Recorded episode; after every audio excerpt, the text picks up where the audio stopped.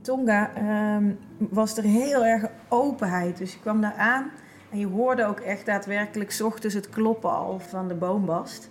Dat doen vrouwen namelijk gewoon op hun veranda en de kinderen die spelen dan rond. Babytjes zitten in de, de kinderwagens ernaast. En eigenlijk om de hoek van het guesthouse waar, eh, waar ik logeerde, daar heb ik een vrouw ontmoet met wie we dus zes weken lang uiteindelijk hebben samengewerkt. Dat is heel bijzonder. Omdat ze zo anders leven.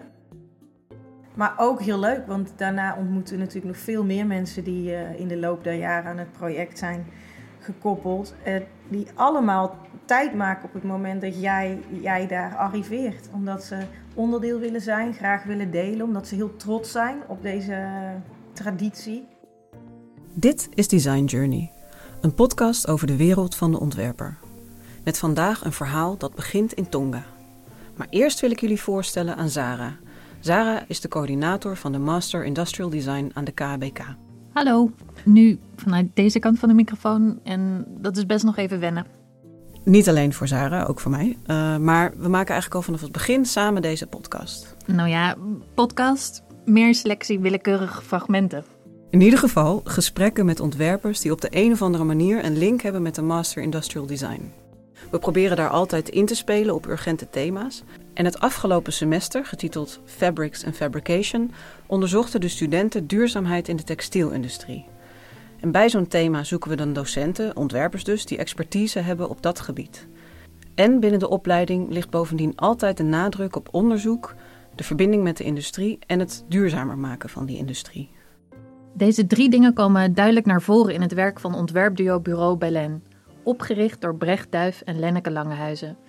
Die laatste hoorde je trouwens net praten over boombast en ze is docent bij de Master Industrial Design. Bureau Belen is opgericht in 2013 en gevestigd in Amsterdam. Het ontwerpduo ontmoette elkaar op de Design Academy in Eindhoven, waar ze cum afstudeerden. Sindsdien zijn ze met veel prijzen bekroond en hun werk is tentoongesteld in het Van Abbe Museum, Boymans en meest recentelijk hadden ze hun eerste overzichtstentoonstelling op de Looiersgracht 60 in Amsterdam. Dat is natuurlijk een geweldig cv.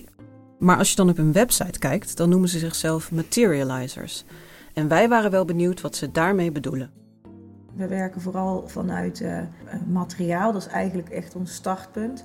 Veel ook textiel, vooral dan het, het, het zachte materiaal, maar niet alleen. Maar we kijken wel echt altijd naar de karakteristieken en de eigenschappen van materialen, die we dan proberen op te rekken, te waarborgen en dan vooral tot uh, nieuwe verschijningen te komen. Ook verrassende verschijningen. Hierin werken we wel samen met de industrie. Kunnen dus ook high-tech materialen zijn of nieuwe ontwikkelingen. Onderzoeken, soms zelf geïnitieerd, soms op vraag. Maar dit kan ook samen met ambachtslieden zijn. En die afwisseling is juist ook heel interessant. We zijn altijd op zoek naar de kwaliteit in het materiaal. Ik weet niet uh, wat jij hiervan vindt, maar zodra ontwerpers het hebben over oprekken en waarborgen van kwaliteiten, krijg ik wel behoefte aan een concreet voorbeeld. Nou, in een van hun vroege projecten, hun afstudeerproject, begon dat werken vanuit materiaal met hout. En dat is interessant omdat je bij hout misschien niet meteen aan textiel denkt. Maar over hoe dat precies zit, moeten we weer even terug naar Tonga. En hier gaat het heel erg om de karakteristieken van hout. Hout heeft als kwaliteit dat het heel goed vocht, geur en geluid opneemt. Nou kennen we hout in zijn meest flexibele vorm als fineer. Dan buigt het één richting op. In die andere richting breekt het. Dus onze vraag is hoe kunnen we eigenlijk die eigenschappen waarborgen als het in een textiele vorm. Want die kwaliteit zou zo mooi zijn dat het en geluid, geur en vocht dus kan absorberen. Nou, toen kwamen we er dus achter via onderzoek bij het Volkenkunde en bij het Tropenmuseum. Dat er dus uh, een van de eerste vormen van het maken van textiel is het kloppen van uh, uh, boombast. Dat was naast het gebruik van dierenhuiden. We zijn toen dus eigenlijk naar Tonga gevlogen en hebben zes weken samengewerkt en een atelier opgezet met die ambachtslieden om te kijken wat dus die mogelijkheden zijn van boombast in feite. Zij gebruiken het nog als een canvas en zij schilderen rituelen met natuurlijke pigmenten wederom. En wij hebben dus door middel van moderne textielbewerkingstechnieken toe te voegen. Het echt kunnen veredelen eigenlijk tot een draagbaar textiel wat wasbaar is. Maar wel echte kwaliteiten van hout uh, waarborgt. Dus je ziet nog de noesten waar nieuwe takken zich opdoen. Je ziet de hele vezelstructuur. Dus dat houttextielproject dat begon eigenlijk als onderzoeksproject voor hun afstuderen. En je ziet dat ze dat nu aan het implementeren zijn. Het gaat natuurlijk ook heel erg over de waarde van textiel. We waren afgelopen weekend in uh, Londen bij een klant waar we dan wooden textiles als grote oppervlakte, eigenlijk als muur, wandtextiel, wat ook tevens een gordijn wordt, in een slaapkamer. Dan zie je dus hoe dat natuurlijke materiaal eigenlijk ehm, bijdraagt aan het decor van de mens. Gewoon als mens veel aantrekkelijker wordt. Is natuurlijk ook van belang dat we onze omgevingen die zo hard en koud zijn vandaag de dag. Is niet en, die witte kubussen waar we in leven is niet per se het meest fijne decor voor de mens eigenlijk. Dat is ook wel een thema binnen ons werk. En dat is dan vaak, wordt dat opgelost met natuurlijke materialen en, en uh, materiaalontwikkeling. Dus dan moeten we echt vanuit het begin beginnen. Dat werken met natuurlijke materialen wordt bij Belen ook ingegeven door een soort duurzaamheidsdenken. Maar dat vraagt om permanent geschipper. Natuurlijke materialen zijn vaak, maar niet altijd duurzamer en bovendien erg kostbaar. Als ontwerpstudio heb je natuurlijk ook gewoon te maken met de realiteit van opdrachtgevers, budgetten en deadlines. Het conflict in die textielindustrie, dus over het kunnen verantwoorden van materiaal en de vezel en de processen, dat is ook wel iets waar wij dagelijks mee te maken hebben in de studio. Goed voorbeeld is dan het eh, Felix Meritus. Dus een pand voor kunst, cultuur en wetenschap aan de Keizersgracht in Amsterdam.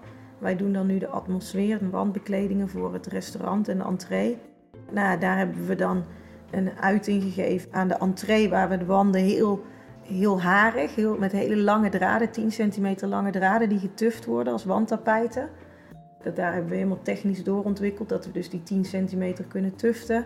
En dat garen wat we dan geïntroduceerd hebben, zodat het nog zo heel mooi zwaar vallend beweegt, maar niet in elkaar gaat klitten als materiaal.